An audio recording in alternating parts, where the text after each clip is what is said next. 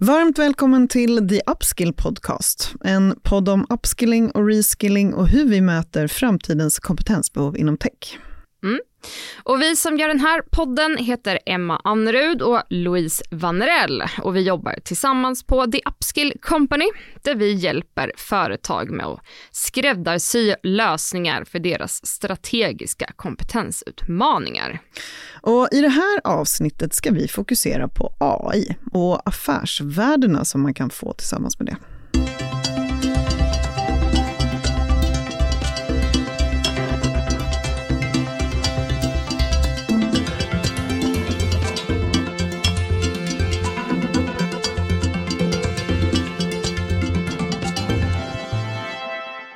Hej och välkommen till ännu ett avsnitt av The Upskill Podcast. Idag ska vi prata AI, och eh, inte bara AI utan också hur man kan, kan och bör använda AI-tekniken för att skapa affärsnytta.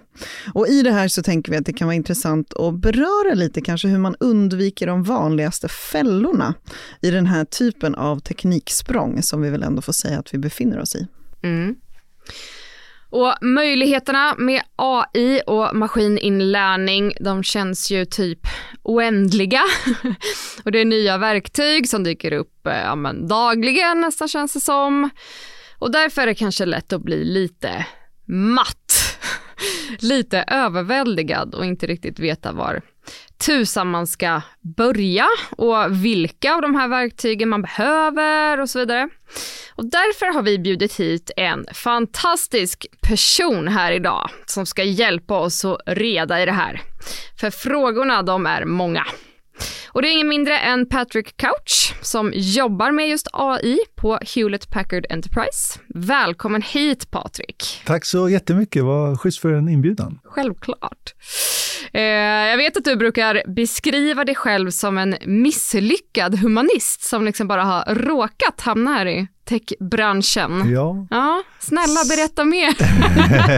ja, precis, man ska börja med en pudel och berätta vad man har misslyckats med. Men, eh, nej, men jag, jag hade som avsikt när jag var yngre att eh, eh full, vet det, göra en eh, akademisk karriär inom litteratur och filosofi. Så att jag eh, pluggade litteratur och filosofi på universitetet och skrev min avhandling och sen så innan jag riktigt hann få den i mål så var jag ganska matt och behövde ett break från akademin. Och då tittade jag ut och då såg jag att det var en väldig aktivitet eh, kring Stureplan. Jag bor i Stockholm.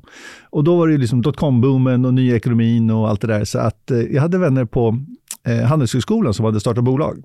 Och de tyckte jag skulle ansluta dem. Och då var jag lite förvånad, för jag tänkte att jag kan ju ingenting om det här.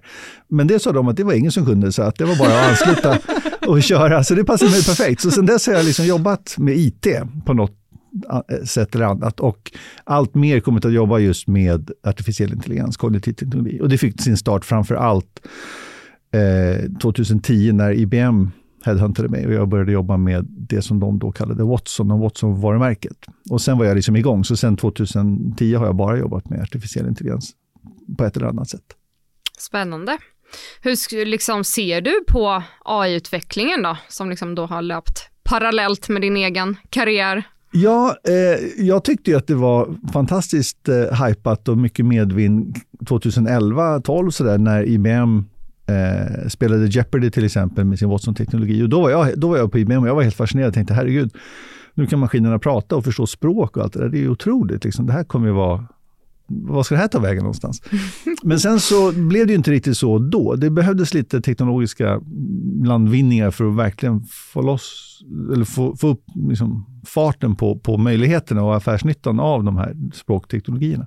Och det kom ju då kanske 2016-17 när Transformers-teknologin började komma ut på allvar. Men det tog ju också sen tills dess att man la på ett applikationslager på en av de här stora språkmodellerna för att det verkligen skulle ta fart. Och det var det som OpenAI gjorde med sitt ChatGPT GPT-upplägg eh, då, för, slutet av förra året. Så nu har det verkligen tagit fart igen då, och nu ser vi ju verkligen nyttorealiseras på ett helt annat sätt än tidigare. Och det är ju mycket för att det är så lättkonsumerat. Men det är också där de här fallgroparna och fällorna finns som, som du nämnde tidigare. Mm. Ja, men en, eh, en eh, fråga på det sådär direkt. Jag läste härom, eh, häromdagen, bara såg någon post som flashade på LinkedIn såklart. Men den har, eh, har gjort då en ganska stor undersökning mm, på bolagsnivå, frågat vd liksom hur, hur de ställer sig till att utnyttja liksom de här eh, funktionerna och det som faktiskt finns att göra, värde och nytta och så vidare, med just generativa AI-modeller, eh, eller då kanske produkter framför allt, eh, eftersom det är det vi pratar om. Och jag blev ändå lite häpen av att höra att liksom, här har vi då det här otroliga tekniksprånget, som man ändå måste kalla det, som ger otroliga möjligheter till att, att skruva på saker, att tänka nytt, att liksom se över vad det är man lägger tid och energi och pengar på. Och eh, 18 procent bara av de här tillfrågade vdarna som ser att det här är någonting som de ska satsa på. Mm. Tänker du när jag säger det? Eh, det, det förvånar mig också och 18 procent låter väldigt lågt. Det beror kanske lite grann på hur frågan är ställd och, och kontexten. Men, mm. men min syn är ju att eh, jag, ser vår, jag ser vår tid som vi lever i nu som en sorts eh, det, är, det, det, det är tekniksprång, det, det, det, det är en step change nu. Eh, och den bygger på, eller den kommer av, att vi har jobbat med digitalisering så länge. Så att även om, ja, backar man bandet väldigt mycket så har ju naturligtvis människan alltid jobbat med teknologi på ett eller annat sätt. Men det som har hänt de senaste 30, 40, 50 åren är att vi har digitaliserat mycket av vår, vår teknikinfrastruktur. Och på den här fantastiska digitala plattformen, eller ja, landskapet som vi nu har byggt oss, där kan man göra en väldig massa saker eh, utan att behöva sätta en spade i jorden. Liksom. Och, och, även om det naturligtvis det kräver timmar att, att utveckla saker också, så är det, det, det, går mycket, mycket fortare när man gör någonting digitalt på den här digitala spelplanen. Eh, och släpper man lös då de här, ja, nu när vi har de här fantastiska teknologierna tillgängliga på den här digitala plattformen, så ser jag det som en, en otroligt transformativ och disruptiv situation. Eh, så det förvånar mig lite grann att om, om, det, om, om folk inte ser den, den, den, transformativa och disruptiva potentialen i artificiell intelligens, givet hur digitala vi är, mm. då tror inte jag man riktigt har förstått vår situation som vi mm. befinner oss i idag. Mm. Så ser jag det i alla fall. Ja, jag tycker också att det låter märkligt. Eh, det känns ju som att alla snackar och hetsar, jag på säga, om AI just nu. Och uh, ja, men att många som inte kanske har kommit igång än börjar bli lite stressade med all rätt kanske. Och uh, många kanske är på väg in i den där alla måste ha ett AI-projekt-fällan. Men där gäller det ju, som vi alltid säger i den här podden, att eh, tänka till och rikta in sig på vad som faktiskt skulle kunna skapa värde. Så jag tänker, eh, vad skulle du säga där Patrik? Hur håller man liksom huvudet kallt i det här och fokuserar på rätt saker?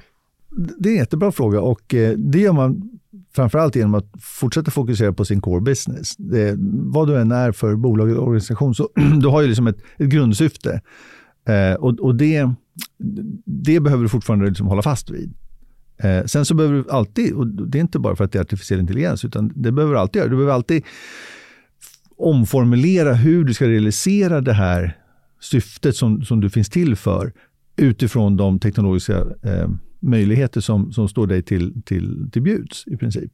Eh, så att eh, alltid när det kommer nya grejer så behöver man liksom överväga och titta och vända och vrida på, är det här någonting som är vettigt för, för oss, för mig och i så fall på vilket sätt, i vilken utsträckning. Så att det är lätt att bli eh, förälskad i teknologin och, och, och framförallt när, när media trycker det så himla hårt så, så blir det alltid någonting som man man, man uppmärksammar, man ser det, man, man ser teknologin och man, man, man, hör om ChatGPT eller man hör om AI och sådär.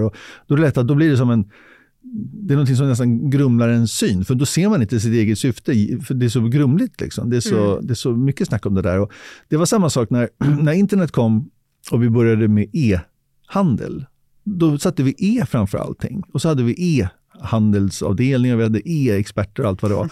Och sen efter ett tag så var det så här, ah, ja, okej, okay, men vad fasiken, vi kan inte hålla på med det här. Det här är ju bara som det är nu. Nu har vi införlivat det, vi har inkorporerat det, internaliserat det och helt plötsligt finns det inget E kvar längre. Nu finns det bara liksom business. Och, och, och det finns ingen E-strategi och sen en, en affärsstrategi.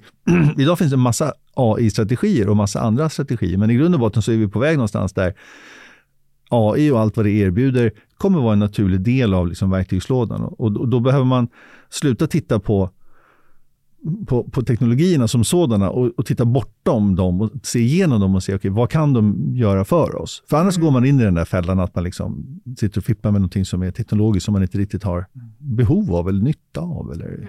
bara, bara för att det är så det är spännande. Det var, det var, IBM, när jag var på IBM, så, eller innan jag var på IBM, så hade de en, en eh, reklamfilm som snurrade 96, 97. När det sitter två sköna 80-tals, 90-tals eh, eh, kostymgubbar och pratar. Och så säger den ena, han har fått ett memo och så står det så här. We need to be on the internet. Och så säger hans, hans kollega liksom bara, What's the internet? It doesn't say. Men de måste vara där. Va? Och den liksom var så himla bra, för det var så, det var så på Stureplan i slutet av 90-talet. Alla skulle ha en hemsida, alla skulle ha en e-postadress och det var inte alls klart varför. Det känns ju som att många är där idag. Mm. Med att man eh, sitter i något krismöte någonstans och säger vi måste ha ett eh, hur jobbar vi med AI? Ja. och då hamnar man ju lite i det där som du precis beskriver, att man tittar på lösningen först. Eh, och sen det. försöker du liksom backtracka den in i din verksamhet snarare än att titta på vad det är för problem som du kan lösa med den här nya typen av verktyg och teknik. Ja, helt rätt. Och det finns en jättestor som utbredd FOMO, så fear of missing mm. out-vibe mm. nu här ute. Och jag lovar dig, det är många sådana krismöten där det är så här, vad, du, någon får rekrytera någon här som kan berätta för oss vad vi ska göra. Liksom, lite grann sådär. Jag kom faktiskt precis nu mm. ifrån ett eh, AI-bootcamp för marknadsförare. Då. Ja, det för det mm. första så skrattade jag också lite på det här du sa med, med e-handel. Så här, när man står och så träffar man alla de här personerna som jobbar med ungefär samma sak som jag gör. Som så här, jag jobbar med digital marknadsföring. Man bara, ja, eh, att man ens ska behöva kalla sig själv för en digital marknadsförare idag. Så här, det finns inte så jättemycket, ja man kan ha någon liten skyltreklam kanske, men det är också digitalt idag. Mm. Ja, men, ja, men liksom. Nej, men, verkligen, och även liksom de, de fysiska liksom, platserna är liksom sena på bollen. Liksom, jobbar man med marknadsföring idag, även om du ska trycka en skylt, så kommer du först jobba digitalt och sen så kommer du ha, kanske ha liksom budskap som du materialiserar mm, någonstans. Men, absolut. Nej, men, och där stämningen också var ju sån här liksom krisstämning. bara, vad gör du och hur gör du och vad, äh, vad ska jag göra liksom? Och där det också bara egentligen kommer ner till att så här, ja, vad behöver du då? Hur mm. jobbar du idag? Liksom? Kan du titta på hur du kan effektivisera det? Mm. Liksom, börja i den änden. Ja.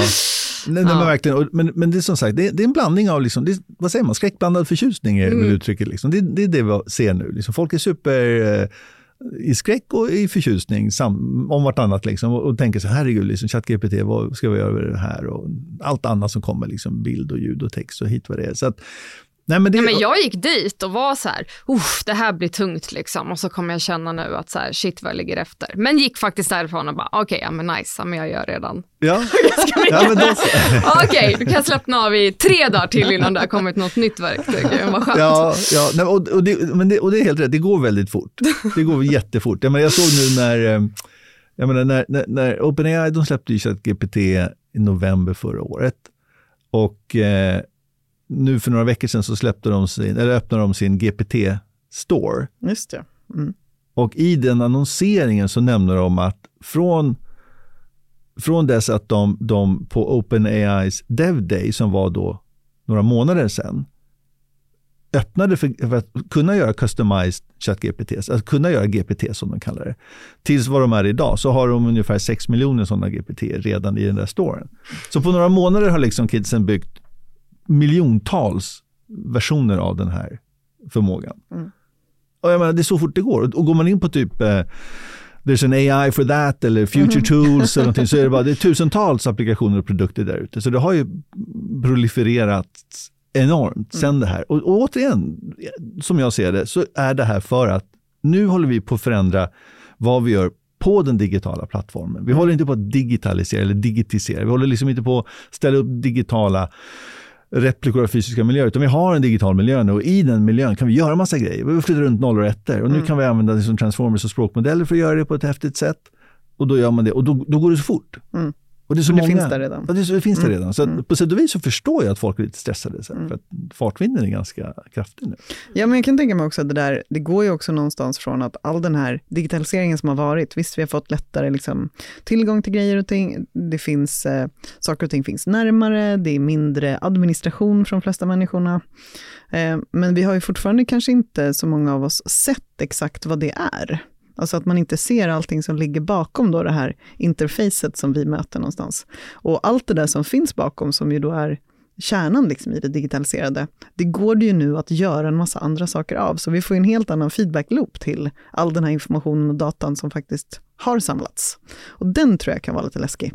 Ja, absolut. Och, och du har helt rätt att vi, vi har abstraherat oss, de flesta av oss har abstraherat oss så långt bort att vi har ingen aning om vad som händer där bakom, mm. eller där under. Liksom. Och, eh, och, och hela liksom säljbudskapet från OpenAI kring deras GPT-store är ju just att customizable GPTs, you don't need to know code. Mm. Det är liksom vad de går med. Och det är fantastiskt i sig. Då. Men, men det betyder också att när man skapar alla de här grejerna så kanske man inte riktigt har kontroll på vad man gör, man vet inte hur det funkar. Och i det finns det en risk. Då, för då finns en risk för dataläckage, det finns en risk för att, för att dina algoritmer inte beter sig som de ska i produktion och liknande. Och det där kan vara, eh, vad ska man säga, lite hämmande. Där kan det finnas liksom att folk, folk å ena sidan har den här förtjusningen och kärleken för, liksom, wow vad häftigt, nu måste vi köra här och de är rädda för att missa någonting. Men de kan också vara lite oroliga för att göra fel. Mm. Och, det, och det ska man ha respekt för. Eh, och man behöver ha sitt omdöme kvar eh, även 2024. Man kan inte outsourca det och låta algoritmerna berätta vad man ska göra. så, att, eh, mm. så är det. Eh, men just det här då kanske när det kommer till nya tekniker, man kanske inte riktigt vet hur det funkar bakom eller sådär. Vilka skulle du säga är de vanligaste fallgroparna när man implementerar AI i sin verksamhet? Eh, ja, så som det har blivit nu då med den här senaste generativa AI-boomen så tror jag den, den största fallgropen är att man, man, eh, man, man, är, man, är, man, är, man har så bråttom att man gärna ställer upp någonting ganska snabbt. Och, då, och för att det ska kunna gå fort så behöver man använda i princip eh, off the shelf produkter eller lösningar. Eh, eller man lutar sig mot eh, eh, eh, hyperscalers erbjudanden till exempel. Man timmar upp med Microsoft och så kör man OpenAI services på Azure eller sånt där. Och, och oavsett, Kort passus där bara. Vad, eh, vad menar du när du säger hyperscalers? Ja, så stora mål, publika molnleverantörer. Okay. Typ Google, eh, vad heter det, Microsoft, Så mycket bandbredd liksom. ja, men alltså om man, om, man vill, om man vill att det ska gå undan så är det lätt att liksom bara plocka någonting som är klart färdigt mm. funkar. Till exempel om du vill ha en eh, en mötessummering av, om du vill ha den här podcasten summerad i liksom fem bullets, mm. okay, då kanske inte du vill bygga din egen algoritm för det, då kanske du använder en produkt. Du går in på futuretools.io och skriver “Tjena, jag vill ha en eh, AI som hjälper mig med att summera möten i ljud till text”. Och, då kan den lista så fyra, fem produkter och så kan du använda dem. Mm. Och Det är superbra och kraftfullt och allting, men då kan det också vara så att då kommer de kanske ta den datan och använda, sig för, för, använda för andra ändamål beroende på vad användarvillkoren säger. Det kan finnas eh, andra risker där. Och det kanske är okej okay med det, för den här podden kanske är ändå publik, spelar ingen mm. roll. Liksom, det är klart du kan använda ett färdigt verktyg. Men det, säga, det paradigmet, eller den, det tillvägagångssättet kommer inte funka på alla olika typer av användarfall som du kanske överväger att använda AI för. Och, mm. och, och tror du det så, så är det lätt att, att, gå bort sig. Så det är väl en sån där fallgrop, att man man, man lutar sig in i det som redan finns, som är färdigt och klart och kan användas, men man förstår inte kanske alltid när eller var eller hur det är en bra idé. Mm. Alternativet är att man behöver på något sätt antingen luta sig mot någon, någon konsult, eller någon expert eller någon partner som kan hjälpa en att lotsa en rätt. Eller så behöver man eh, med sina egna skills eller chops kunna bygga grejer eller liksom ta kontrollen över sin egen AI-resa. Då. Eh, och, då, och då kräver det mer av en av, av en själv så att säga. Men hur ska man då, för jag tycker, jag kommer tillbaka, jag tycker att det är en bra fråga Emma, med just att liksom, vad är de här fallgroparna? Och någonstans så kan det vara lätt att vara sådär gammal och klok, eh, som vi i det här rummet är såklart, och tänka att det är väl ungefär samma samma fallgropar som finns oavsett eh, när det kommer till nya saker. Alltså att man inte har tillräckligt bra koll på vad det är man egentligen vill lösa. Man har inte tillräckligt bra koll på vilka förutsättningar som finns. Och kanske heller inte liksom vilka mål det är man egentligen är ute efter att, nå. Eh, och det blir väl samma i det här, men jag kan, jag menar, lite som du var inne på tidigare, det är ju den här skräckblandade förtjusningen och också kanske lite fear of missing out och när allt det här kokar ihop till den här soppan av att det också då finns numera 6 miljoner eh, chatt-GPT som man liksom kan köpa, så förstår jag att folk blir otroligt stressade där ute. Inte bara på individnivå, men också då på organisationsnivå. Att så oj, hur, eh, man får svära i den här podden, hur fan ska vi hinna med det här? Mm. Eh, och i, i den tror jag att det det finns nog många där ute som hemskt gärna skulle vilja ha en liten en, eh, en liten lathund på att så här, okej, okay, vilka är de tio budorden här för hur jag ska liksom kunna bara se till att jag tänker och agerar nu på rätt sätt. Mm. Och jag förstår att du inte har en sån färdig, men jag tänker att vi ändå kan vara kvar där lite grann. I något. Absolut. Patriks tio budord. Jo, presentera dem nu Patrik. jag är inte säker på att de är relevanta här. I digress. Nej men, eh, nej, men helt mycket riktigt. Och eh, för att underlätta eh, vad ska man säga, adoption, eller liksom att, att, ta till sig den här nya teknologin, så mm. behöver man, man behöver ha kvar sitt om det. Man behöver fortfarande förstå eh, ens egen business. Men vad man också behöver förstå, man behöver förstå hur påverkar det eh, den marknaden på vilken man verk, eh, är verksam. Så att om, eh, eh, om, eh, om, den, om, den, om den marknad man jobbar inom, om den branschen man jobbar inom blir radikalt annorlunda, så behöver man ju naturligtvis själv också förändra sin egen position på den spelplanen. Så att till exempel när, eh, när, eh, när det blev möjligt att göra betrodda betalningar på nätet så minskade behovet av bankkontor på plats fysiskt. Och då blev liksom att Handelsbanken tidigare kanske hade liksom, eh, som, som sin ledord, liksom, vi har flest kontor i Sverige, eller så, vi, liksom, vi är din lokala. Så här. Då kanske inte den positioneringen funkar riktigt. Då måste man hitta en annan positionering. Det har ingenting med egentligen själva teknologin som sådan att göra, men den har, det har att göra med hur påverkar AI nu då, som en teknologi för oss här, den situationen som du befinner dig i. Hur förändrar det eh, försäkringspremiemarknaden till exempel? Hur ska försäkringsbolag tänka kring att sätta premier eller sätta liksom arv, eh, priser på olika försäkringar? Så hur, hur, kommer det, hur kommer det förändras om man kommer kunna monitorera med biometrics mycket mer ens, eh, vad heter det, ens kunder och försäkringstagare? Och hur ska man förhålla sig till det? Och alla de här grejerna som är liksom vad ska man säga, eh, effekter av teknologin på den verklighet man befinner sig i. De behöver man fortfarande monitorera och förstå. Eh, så att även om man själv är sådär, ja men vi, vi sitter lite stilla i båten, ser vad liksom det här, hur, hur vi ska göra med AI, vi får se. Liksom. Så behöver man fortfarande titta ut och se, okay, men hur påverkar det våra konkurrenter, våra kunder? Eh, så det behöver man väl göra. Mm. Jag är inte säker på att det är ett budord, men det är ändå så här, det är en god idé. Liksom. ja, verkligen. Ja, det finns nog många som ändå funderar lite på, jag menar, vi har ju pratat med dig tidigare Patrik, och just att liksom försöka, eh, nu kanske jag tar något av dina budord här i förväg, men eh, att liksom vara trygg och säker på vad ens, eh, vad ens core business och erbjudande faktiskt är.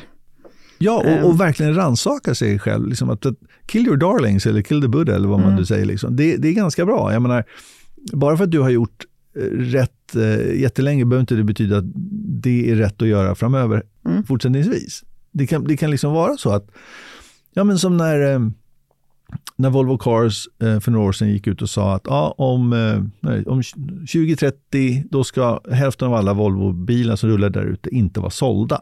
Mm. Vi ska inte sälja bilar. Och för, för Volvo att liksom inte vara ett svenskt bolag och inte vara ett bolag som säljer bilar, vad är Volvo då? Mm. Hur, liksom, hur, hur, bygger man identitet och liksom här, kring det? Och hur, hur självidentifierar man med det? Men de har gjort det fantastiskt bra. De, jag menar, Volvo som varumärke och, och är superstarkt. Jag menar, de, de, de, har ju lyckats med det och de, och de har gjort det genom att häkta upp det på liksom förflyttning och säkerhet i princip. Och det är där de har sin core business. Och sen så hur den ter sig, ja, då får man anpassa sig. Så att hela tiden liksom och det, och det behöver vi som individer också göra. Vad är det för värde du tillför det bolaget som, som betalar din lön? Mm.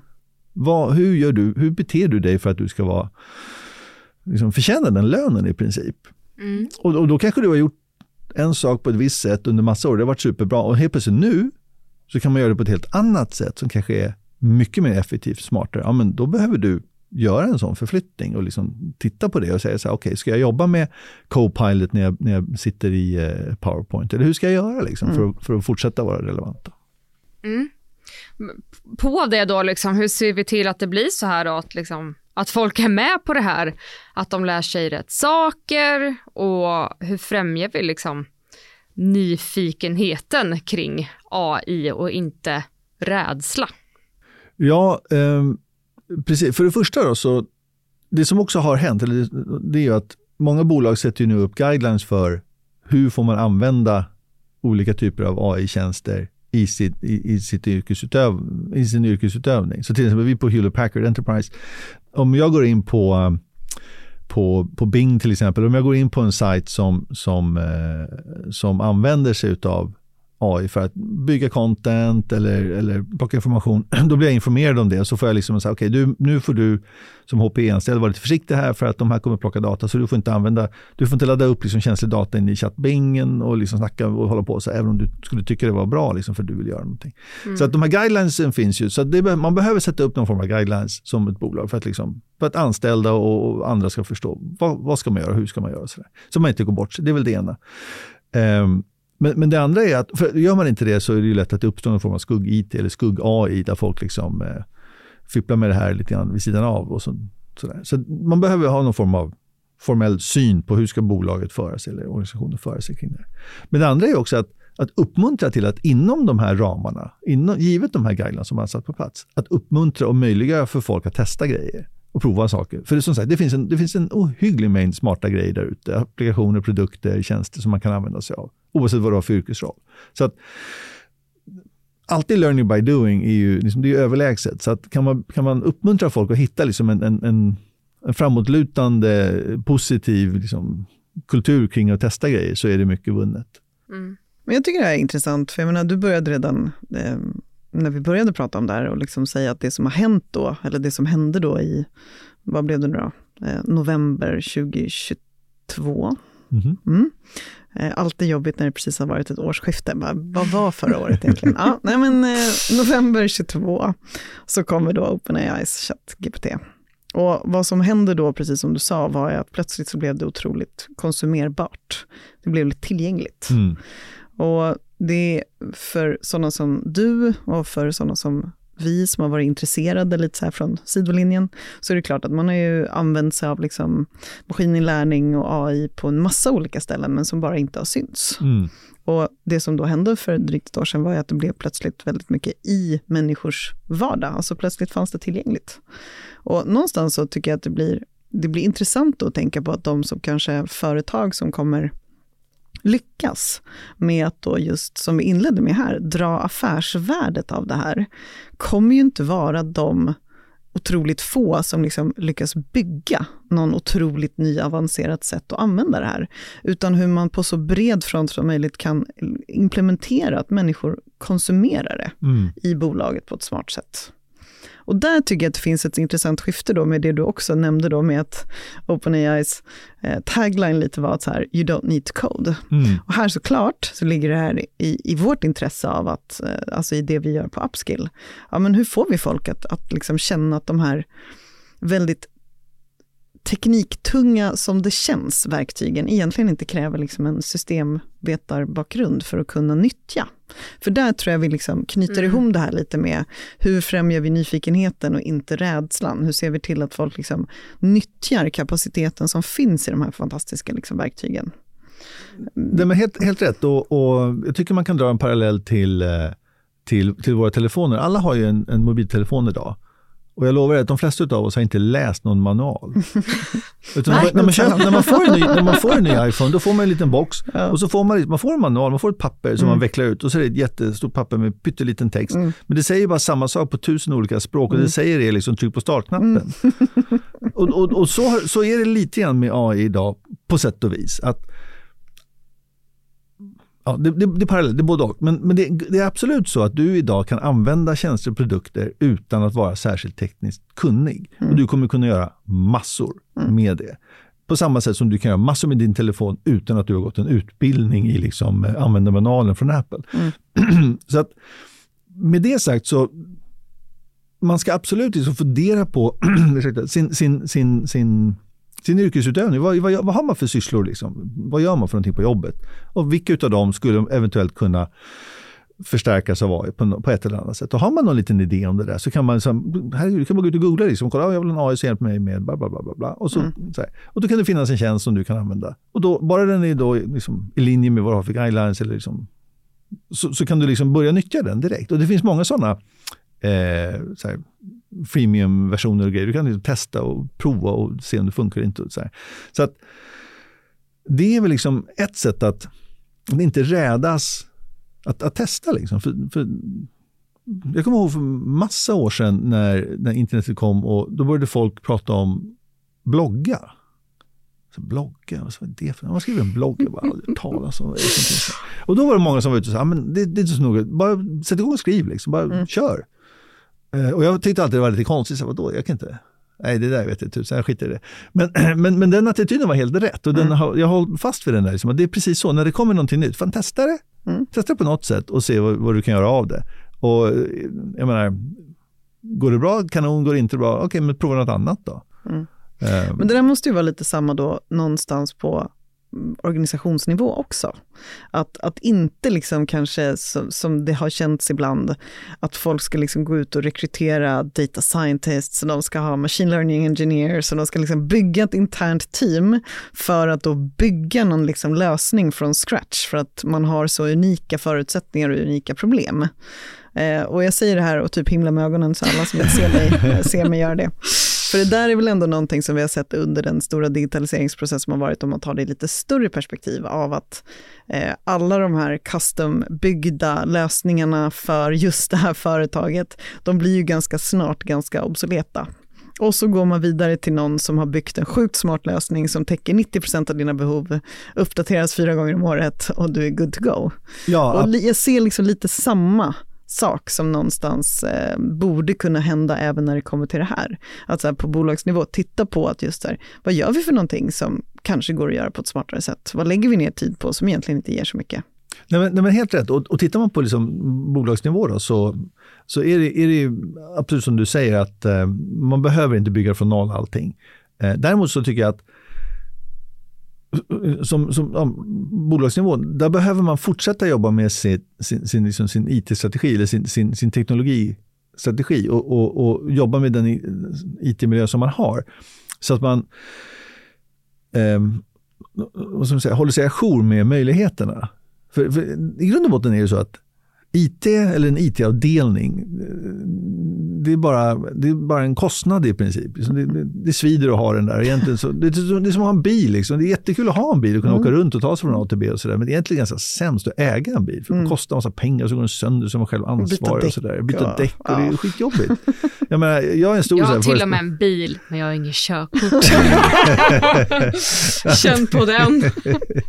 Nej, men så, så, så, det här med ägandet och, och det egna ansvaret, det är liksom lite bökigt. Men däremot så har man det, har man en IT-avdelning, har man en mm. bil, så kan man liksom se till att den är i skick för, för, för vad det nu är för syfte den ska serva. Liksom. Vad är ändamålet? Liksom, har bilen luft i däcken så man kan ta sig från A till B? Eller har IT-avdelningen GPU i sin stack så att vi kan träna vår modell? Bla, bla, bla, eller inte? Och sådär.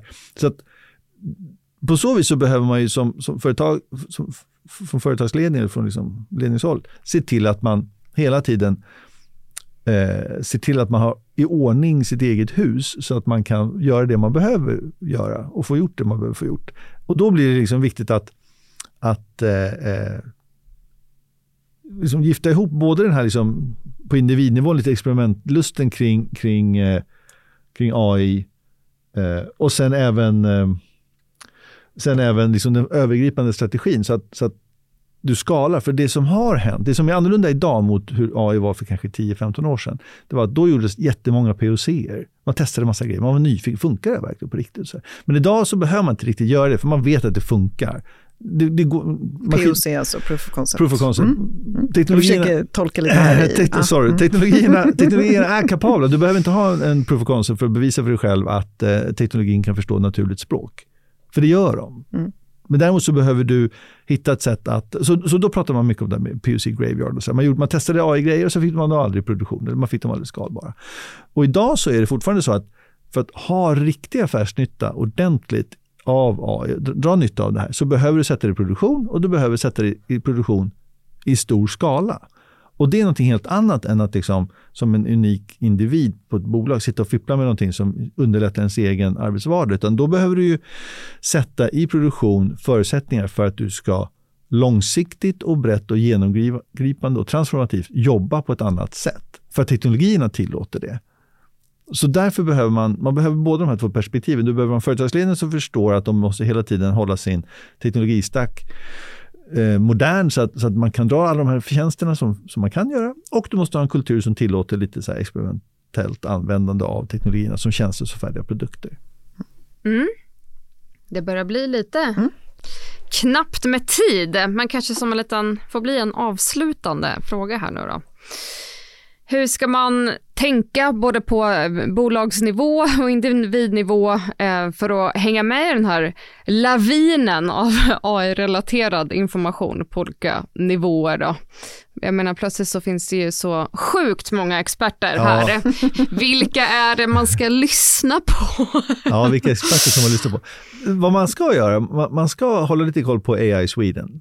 Det ska man göra, för de är duktiga och bra. Och där finns det, de är, det är ju liksom det är Sveriges nationella organ för AI kan man säga. Och deras syfte är ju att, att, att eh, eh, möjliggöra för så många som möjligt att dra nytta av det här. Så de är, ganska, de är väldigt bra på att kurera innehåll och, och visa upp och liksom informera om vad som händer och sådär. Så att, att, att, följa, att hålla ett öga på AI Sweden är väl kanske... Det är väl en väldigt trygg röst i det, det här liksom, havet av... Mm. Och jag tycker även, eh, tittar man på Tech Sverige, de är också bra. De är liksom stabila. Det är, det är gamla eh, IT-telekom-branschen. Mm, företagen. företagen. Ja. Mm. Så, så Tech Sverige är bra också.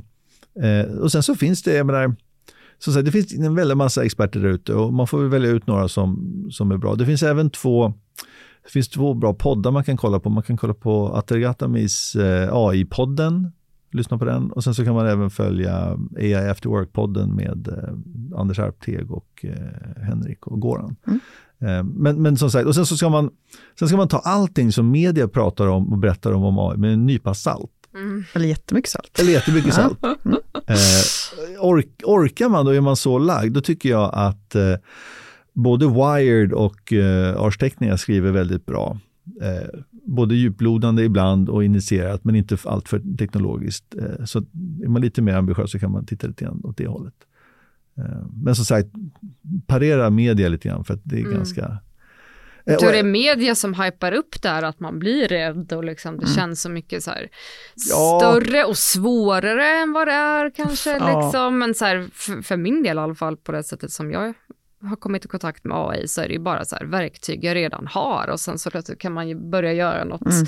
någon annan liten tweak med hjälp av AI så liksom bygger man på det där. Mm. Ja och, och, det, där, det där är helt rätt för att eh, bra att du tar upp det för att det, det ska sägas också att det, som, det samtal som förs kring AI i media idag det är väldigt mycket, eh, vad ska man säga, man, man pratar om den potentialen som vi ser framför oss på många års sikt.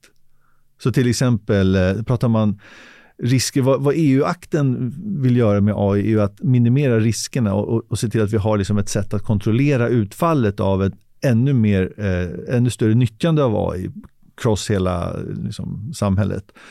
Eh, men deras tidshorisont är ju liksom, den, den är flera år bort. Det är inte mm. så att även om man idag kan göra massa knas med, med AI så är det egentligen inte de stora riskerna är inte här och nu idag, utan det, de kommer komma säg om 5-10 år och de kommer se ut på det sättet som vi tillåter dem att göra utifrån vad vi gör idag. Och Det är därför media pratar väldigt mycket om någon form av så här slutstation. Ja, men när vi har liksom generell AI eller när vi har AI i, i, våra drönare som flyger runt med våra bomber och grejer. Hur ser det ut då? Så man, man, man vill gärna liksom, när de har tagit alla jobben och hur kommer det se ut då? Och, så där. Och, och alla de här frågorna de, de är viktiga att föra och, och det finns sådana såna framtidsscenarier som, som man absolut behöver ta i beaktning. Men media är så himla lutat mot det, mm. så, att, så att det blir väldigt mm, mycket av det.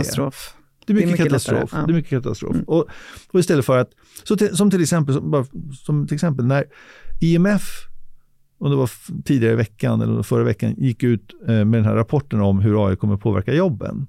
Så hade de, eh, så skrev eh, en av ja, hon som är ansvarig där på IMF för detta, en jättebra blogg och pratade om att ja, men du vet, överlag så kommer 40% av jobben förändras.